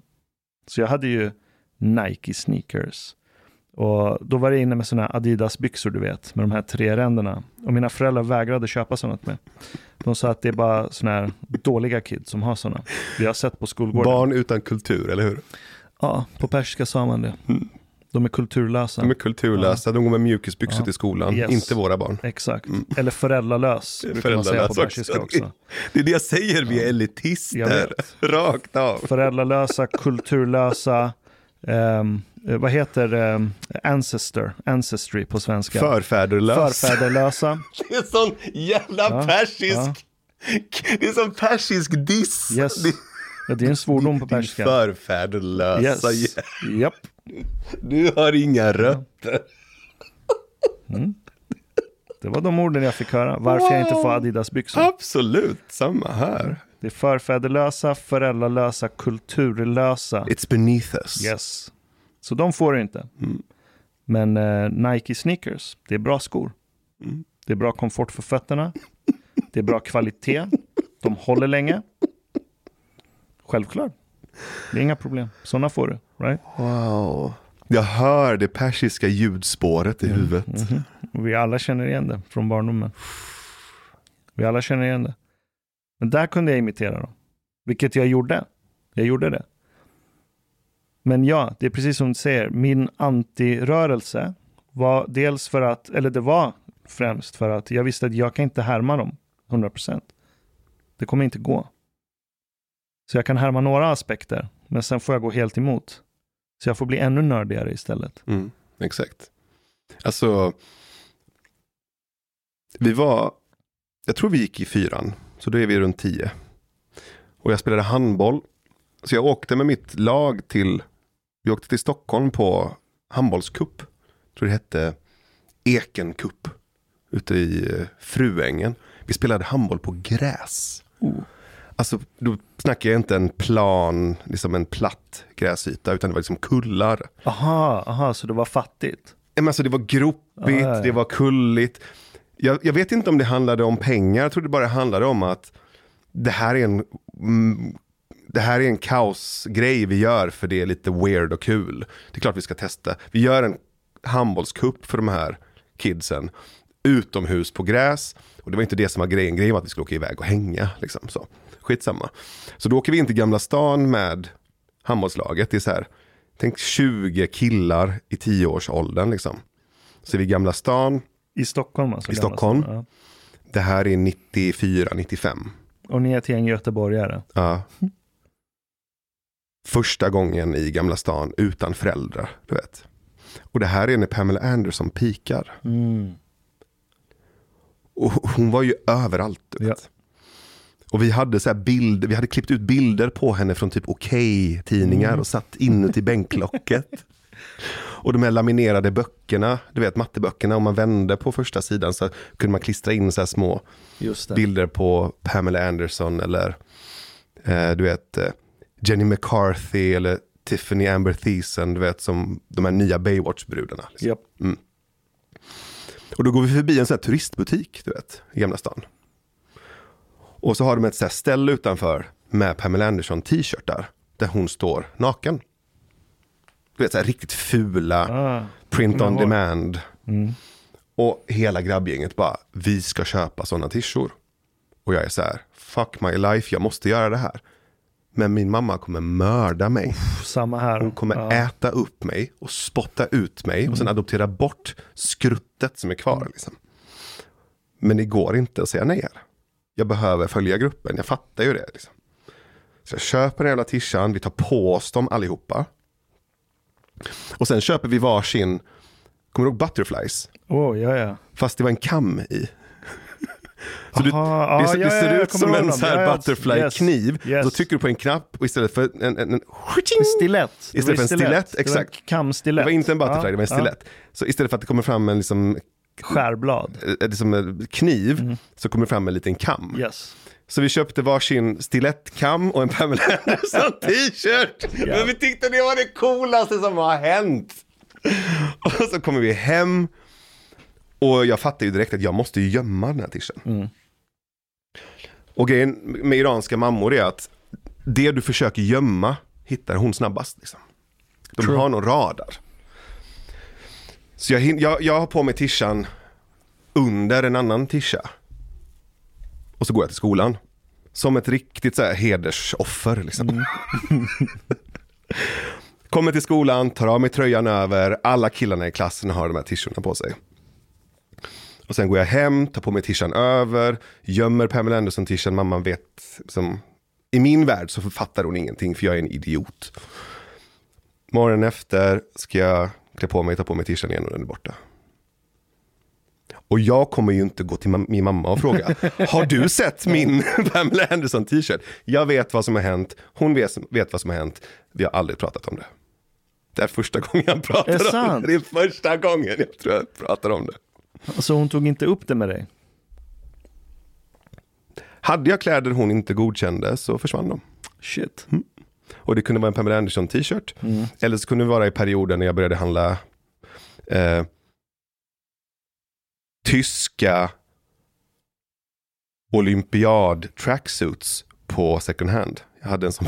Varför fick du inte ha sådana? Men hon tyckte det var luffigt. Ja, det ser ju ut som Adidas-brallorna. Så att jag såg ut som eh, den adopterade sonen i The Royal Tenenbaums. Mm. Eh, och jag köpte hela, liksom, hela overallen, du vet. Jag tyckte det var skitcoolt. Jag tycker fortfarande att det är snyggt. De är snygga, vissa av dem. De här De- gamla. De där retro, med retrofärgerna, Ja, speciellt ja, ja. tyska liksom, färgerna. Ja, de kunde sina färger. Och så, nej, så vaknade jag en dag och så bara, här borta. Jag bara, mamma har du sett min eh, träningsoverall, min tyska olympiadoverall? Hon bara, nej. Oh, hon körde den. Jag bara, va? Men den är borta. Oh, skönt. Och jag bara, okej, det är det spelet liksom. Hon bara, det är bra. Ser du inte ut som en hemlös? Jag bara, okej. Gotcha. Så det var liksom att försöka följa, att, det finns också en aspekt av att försöka följa den där normen när du har en helt annan norm hemma. Yes. Apropå begär och normativitet. Liksom. Så jag är inte helt säker på att det bara var det konträra för mig. Det fanns också en aspekt av att vilja passa in. Gud ja. Komma till friluftsdagen och kunna öppna risifrutti och inte en kokosabzi. Yes. Japp. alltså du vet man sitter där, öppnar lådan och det luktar sallad olivier över hela stadion och de andra har pannkakor och risifrutti. Japp. Så här, kan jag snälla få köpa ballerinakex? Jag också. Så här, Varför då? Jag kan göra egna kex. Okej, men det är inte det som är grejen. Jag fick alltid, jag fick hamburgare med mig på utflykt. Alltså det och jag klagade inte på det. Jag fick inte skit för det, men jag ville ha pannkakorna som alla andra kids hade. Men hon bara, det där, det där är inte mat. Nej, Det är ingen kött i, det är ingen protein, det är ingen mat. den sitter fortfarande Ja. för mig. När, när Sigrid säger, kan vi äta pannkakor till middag? Mm. Jag bara, hör mig själv bara, Ja. det är inte mat. Samma här. Nu gör vi det, för jag älskar det. Men den där rösten finns kvar i mitt huvud. Och jag har alltid dåligt samvete för att jag inte gör eh, ja, men, tallriksmodellen enligt persisk matkultur. Det dåliga samvetet sitter i mig hela tiden. Repliken, det här är inte mat, kommer ju från samma plats som det där är sunt förnuft. Hur menar du? Att säga bara sådär dogmatiskt, pannkakor är Aha, inte är middag. Mm. Det är liksom, det är, det är från samma plats av arrogans av att inte se vad som är kultur och vad som är sunt förnuft Ja. eller så. Ja. Det finns en blindhet, en arrogans i det där. Liksom. Mm. Så gör man inte. Och jag var, en, jag var liksom, precis som jag är idag, någon som tycker om att fråga varför. Liksom. Och, det är, och det, Och det är inte alltid välkommet. nej men det där med din, din förfäderslösa, kulturlösa, föräldralösa. den finns ju också med i varför jag inte får ha pannkakor med mig till utflykten. Ja, För det är så här, det, där, det där är inte mat. Det Ja. betyder att det är bara luffare som äter så. Är du luffare? mm, Det är, du fattig? Bor du på gatan? mm. Ska du, ska du äta mjöl? Vad ska folk säga? Exakt. Och jag tror att det är det som är nyckeln. Mm. Har man vuxit upp i ett samhälle där du inte kan lita på institutionerna och ditt rykte, ditt, ditt, ditt klanmärke. Mm. Är Precis. det som är, är, är som skillnaden på att leva, att överleva och inte överleva. Mm. Så kommer det vara det absolut viktigaste som finns. Så här, vad ska folk säga? Tänk om folk tror att min son är en sån där invandrare. Ja. Den rädslan var nog störst. Nu i efterhand när jag tänker på det. På vad jag fick och inte fick ha på mig. Vad jag fick göra. vi- Vilka diskon och kalas jag fick gå på. Vilka jag inte fick gå på. Allt det där. Det kokade ner sig. Det kokar ner till differentiering av de andra icke-svenskarna. Differentiera sig från dem.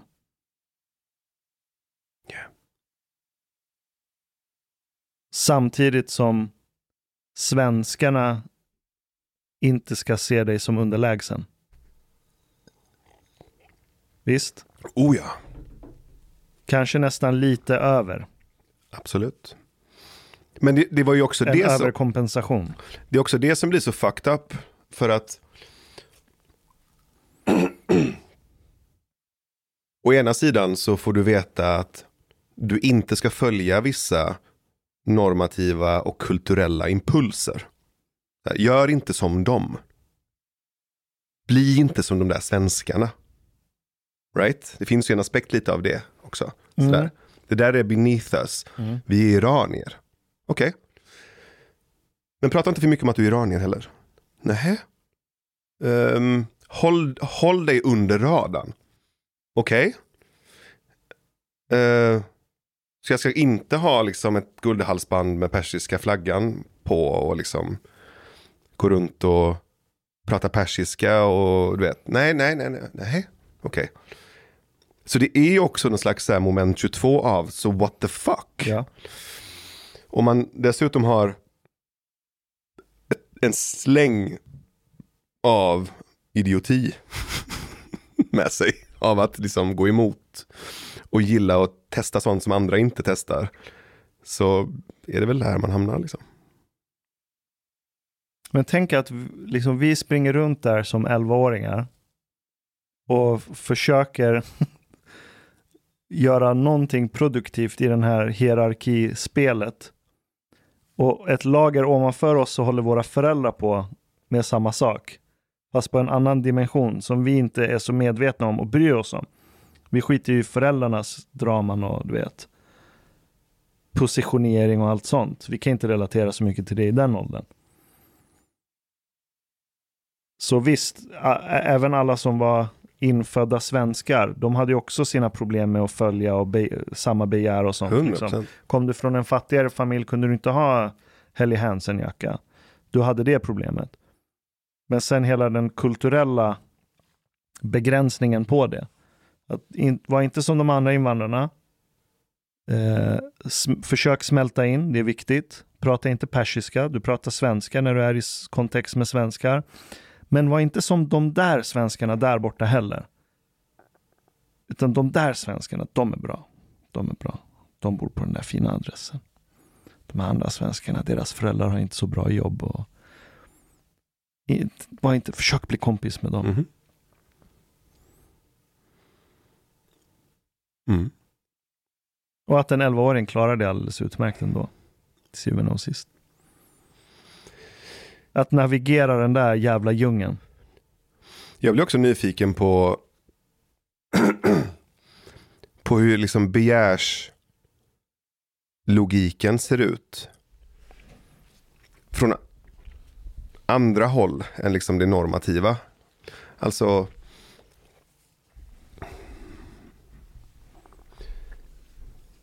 Det är, ju väldigt, det är ju väldigt tacksamt att titta på en klass med till exempel tioåringar och studera spelet. För det är så... ehm, det är målat med så tydliga liksom, linjer. Det är som att det är så, det är så, låg, det är så lo-fi på något Det är lo-fi. Ja. det, är som, det, men det är som fisken som blir varse om vatten när den blivit av med vattnen. Mm. Right? När den kommer upp på land. Då blir den så här, what the fuck is this? Ja. Vart är allt vatten? right? Är, vi, vi, har- vi har varit i den miljön. Det är vattnet. Och nu har vi klivit ur det. Så då blir det supertydligt för oss. Det är därför det ser ut som målade tecken. Mm. Precis, men när du är mitt i det så är det din fullständiga verklighet. Yes. Och, och det känns inte som någon mönster, det känns inte som drama, det känns, det är bara så här, det är så här det är, det här är på Mhm. riktigt. Mhm. Ehm, men så tänker jag också på att, okej om, om, om du tar den gruppen människor i ett samhälle som kanske i skolan är nördar eller liksom mer kanske så konstnärliga eller udda eller du vet lite avvikande. Och inte riktigt hittar in i det här normen eller gruppens begärspel. Då kommer ju den gruppen till slut att börja bygga sin egen logik. Ja. Sin egen begärslogik. Mm. Så källkoden, begärets källkod finns fortfarande där under. Yes. Men det är ett operativsystem av att vara anti eller vara rebell eller gå sin egen väg eller du vet, vara, vad vet jag, HSP, personlighet, Vad är HSP för? högkänslig, Aha, highly sensitive. highly sensitive Personality. personality, Det finns ju tusen olika förklaringar, du vet, bla bla bla. Men den gruppen bygger ju till slut sin begärslogik också, har sina hjältar. Ja, det är därför sin- du får subkulturerna. Du får emo-gänget, du får sportgänget, du får bla bla bla-gänget. Exakt. Ja. Så det är samma begärsprinciper i, i grund och botten för allihopa. Precis. Men, Men istället, istället för George Clooney så är det George Costanza. Exakt. Mm. Exakt. Och i emo-gänget har du också ledaren som alla andra imiterar. Ja. På, kvinnos, på tjejsidan och killsidan. Mm. Rakt av. Mm. Så då kommer vi tillbaka till den här fågeln. Ungefär 30 centimeter mellan mig och alla andra fåglar. Den principen. Det är den principen som ligger där längst underst och bubblar Mm. i det här klassrummet. Mm. Och ur det så faller det ut mobbning, emo-gäng, eh, ja, musikgäng, sportgäng, rubbet. Hela den, jag vet inte om man ska kalla det komplexitet, men i den kontexten är det ju en komplexitet. Mm. Och det är det jag menar med att jag tror att djur bara är liksom, de bara är miljö. De bara åker med i det som händer i miljön, i kod. Det finns liksom inte antisociala djur, de klarar sig inte. Det finns liksom ingen uppfångning av det. Nej. Nej, det är sant. Och sen å andra sidan, de, flä de flesta djur är inte, eller inget djur är ju stamdjur på det sättet som vi är. Du har ju flockdjur som går i flock. Men du har inte stamdjur som lever i stam på samma sätt som vi. Mm. Så även om vi har liknande principer som ligger och bubblar längst ner, som vi inte kan komma åt, vi kan inte ändra på dem, så har vi, tror jag, en större kapacitet att ja, men ändra spelreglerna hela tiden. Spelreglerna är ett lager som ligger ovanpå begärslagret, är du med? Eller så här, om vi säger så här, djur har drift, de har inte begär. Djur har drifter. Vi människor har också drifterna, right?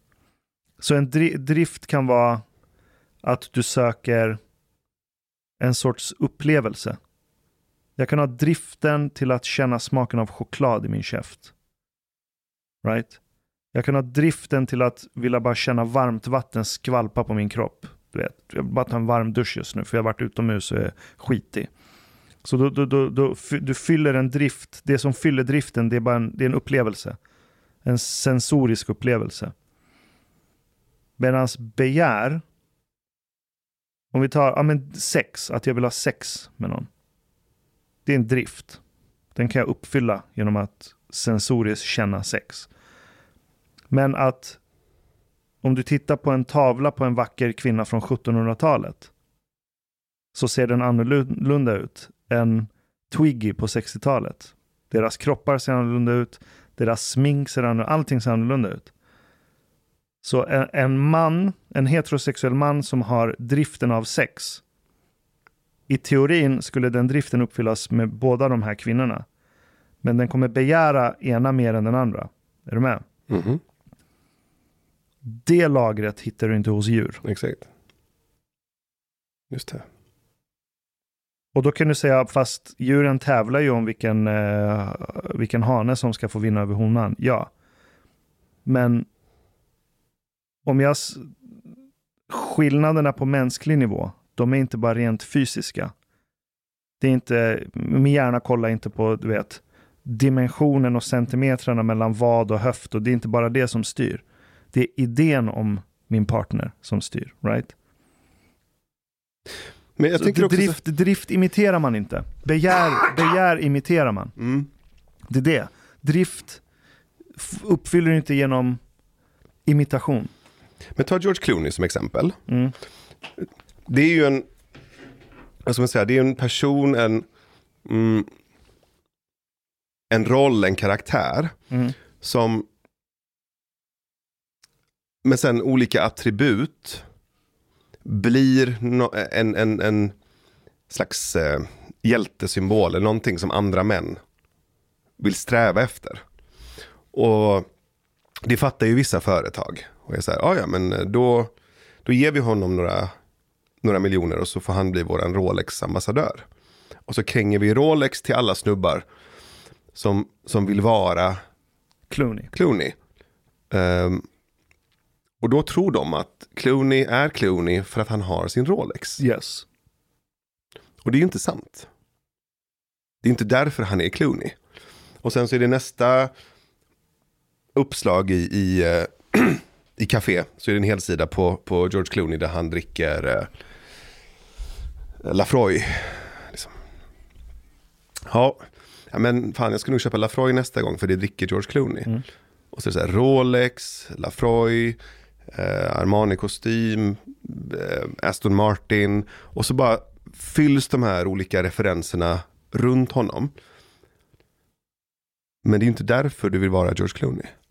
Varför är det begäret liksom riktat mot George Clooney? Right? Mm. Okej. Det är ju för att det är ju, om, om det är kvinnorna som, alltså om det är honorna som väljer. Då har ju de varit the kingmaker. Det är ju de som har riktat ljuset mot Clooney. Han skulle kunna ha på sig en plastpåse på huvudet. Och om han fortfarande hade den attentionen från honorna. Och då skulle folk gå runt med en plast. Alltså det spelar typ ingen roll. Är Nej. du med? Nej. Så de där attiraljerna, de skiftar ju bara. Men honorna har ju bestämt sig för, det är honom, det är han. Ja. Och, och Och vad be- beror det på?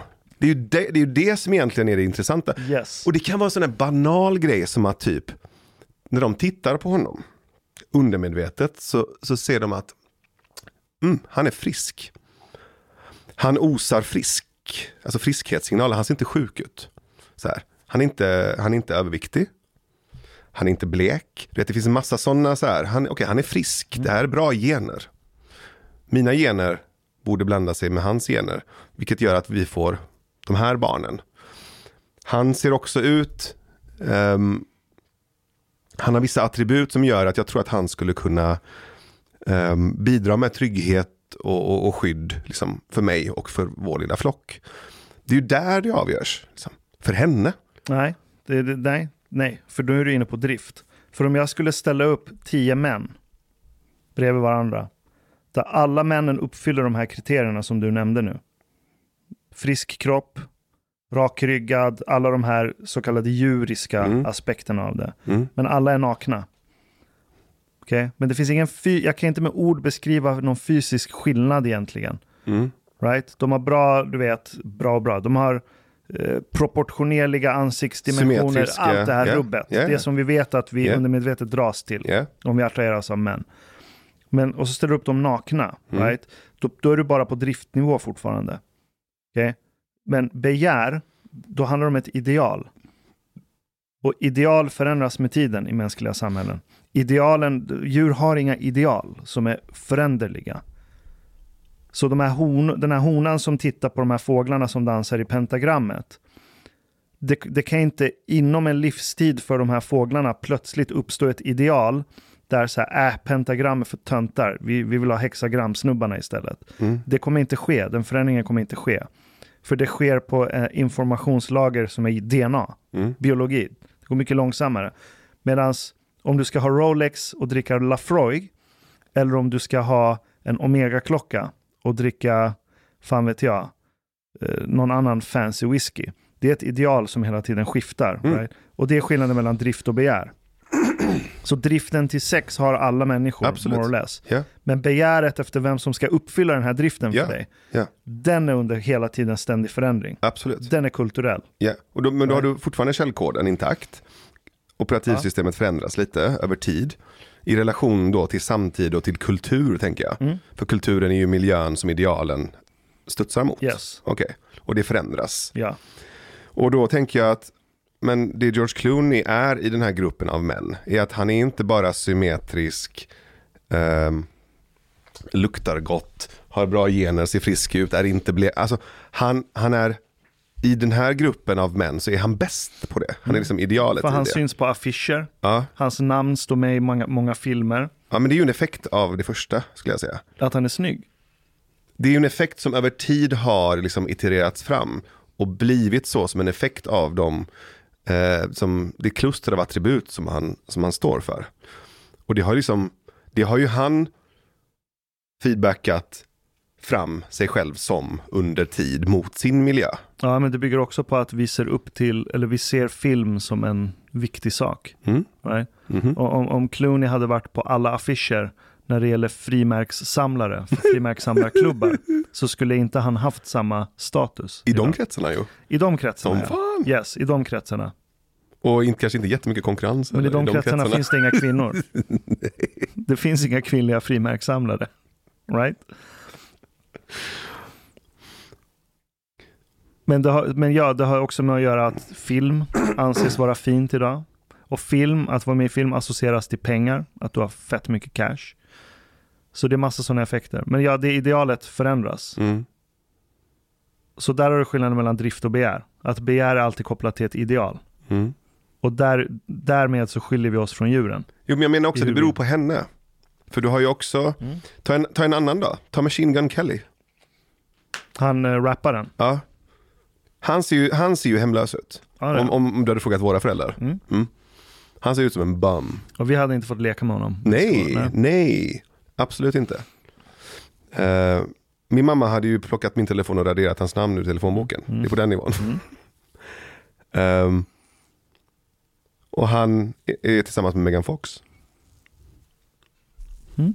En av de, om jag skulle titta på liksom så här, var män riktar sin, sin attention då till det kvinnliga. Ja, hon är ganska, hon är ganska het. Liksom. Mm.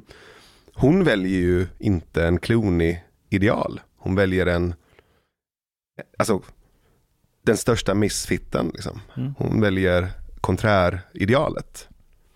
Men är han så konträr? Det är ju de attributen.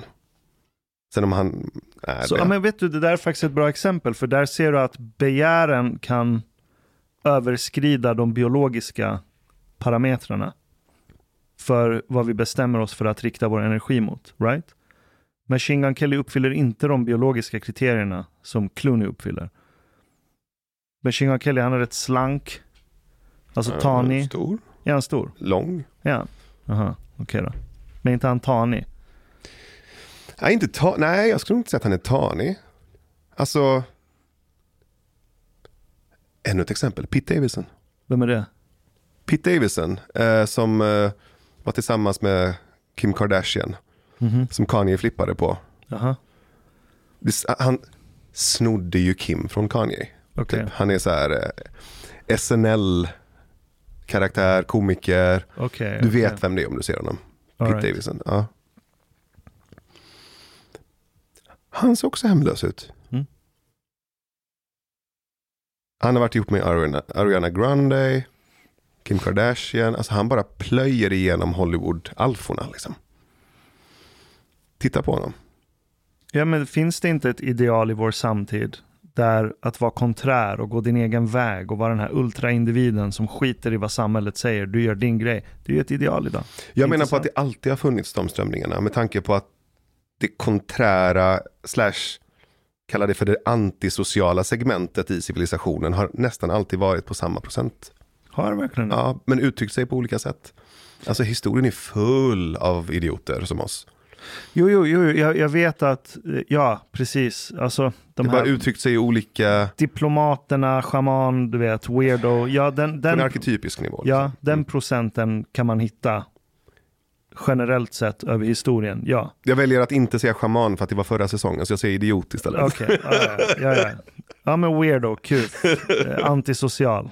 Ja, Ja, allt. De har funnits överallt, alltid. Ja. Och de har också haft sina, men de har inte alltid varit idealet i samhället. Det har de inte. Det köper inte jag. På Men- 20-talet var inte det ett samhällsideal att vara konträr.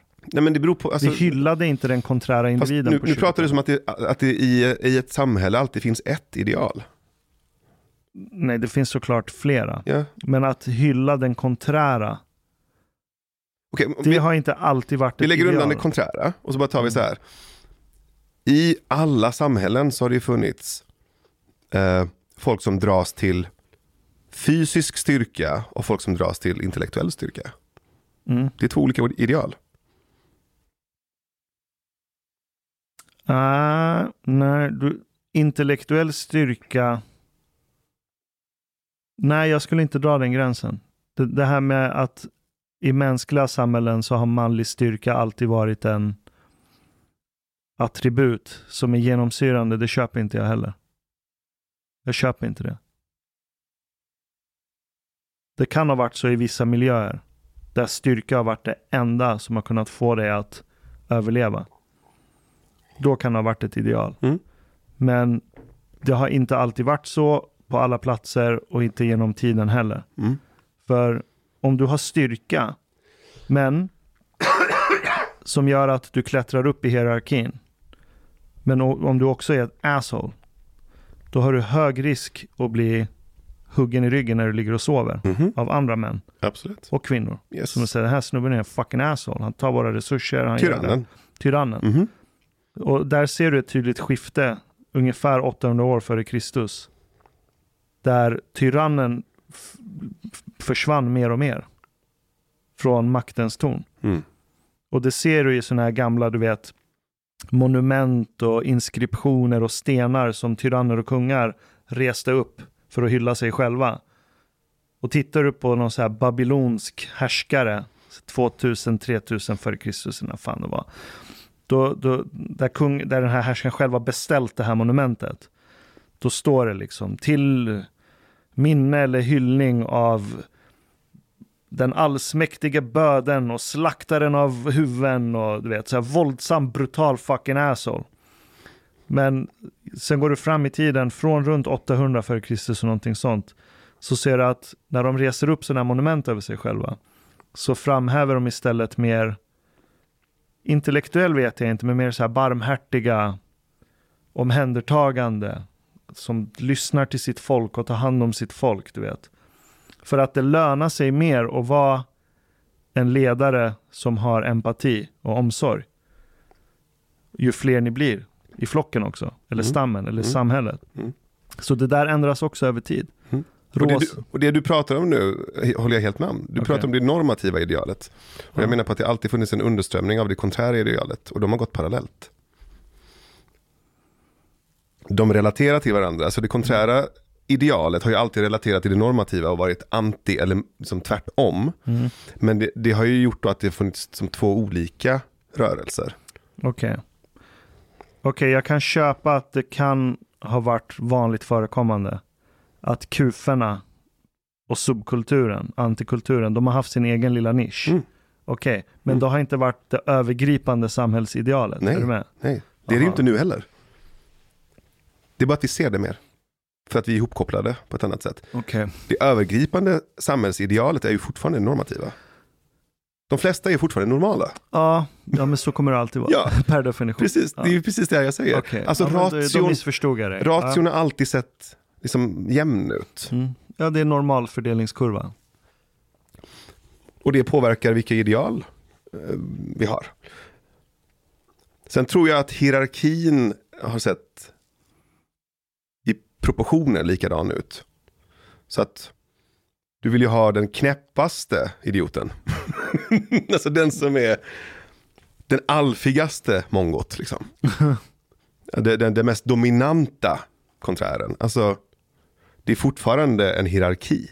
Mm. Så hierarkin finns där. Eh, men det är andra parametrar, tror jag. Vet du vad vi borde göra? Nej. Vi borde grotta ner oss någon gång i René Girard. Och mappa ut begär och samhälle. Och hur det dramat utspelar sig över tid. Shit vad spännande. Let's do it.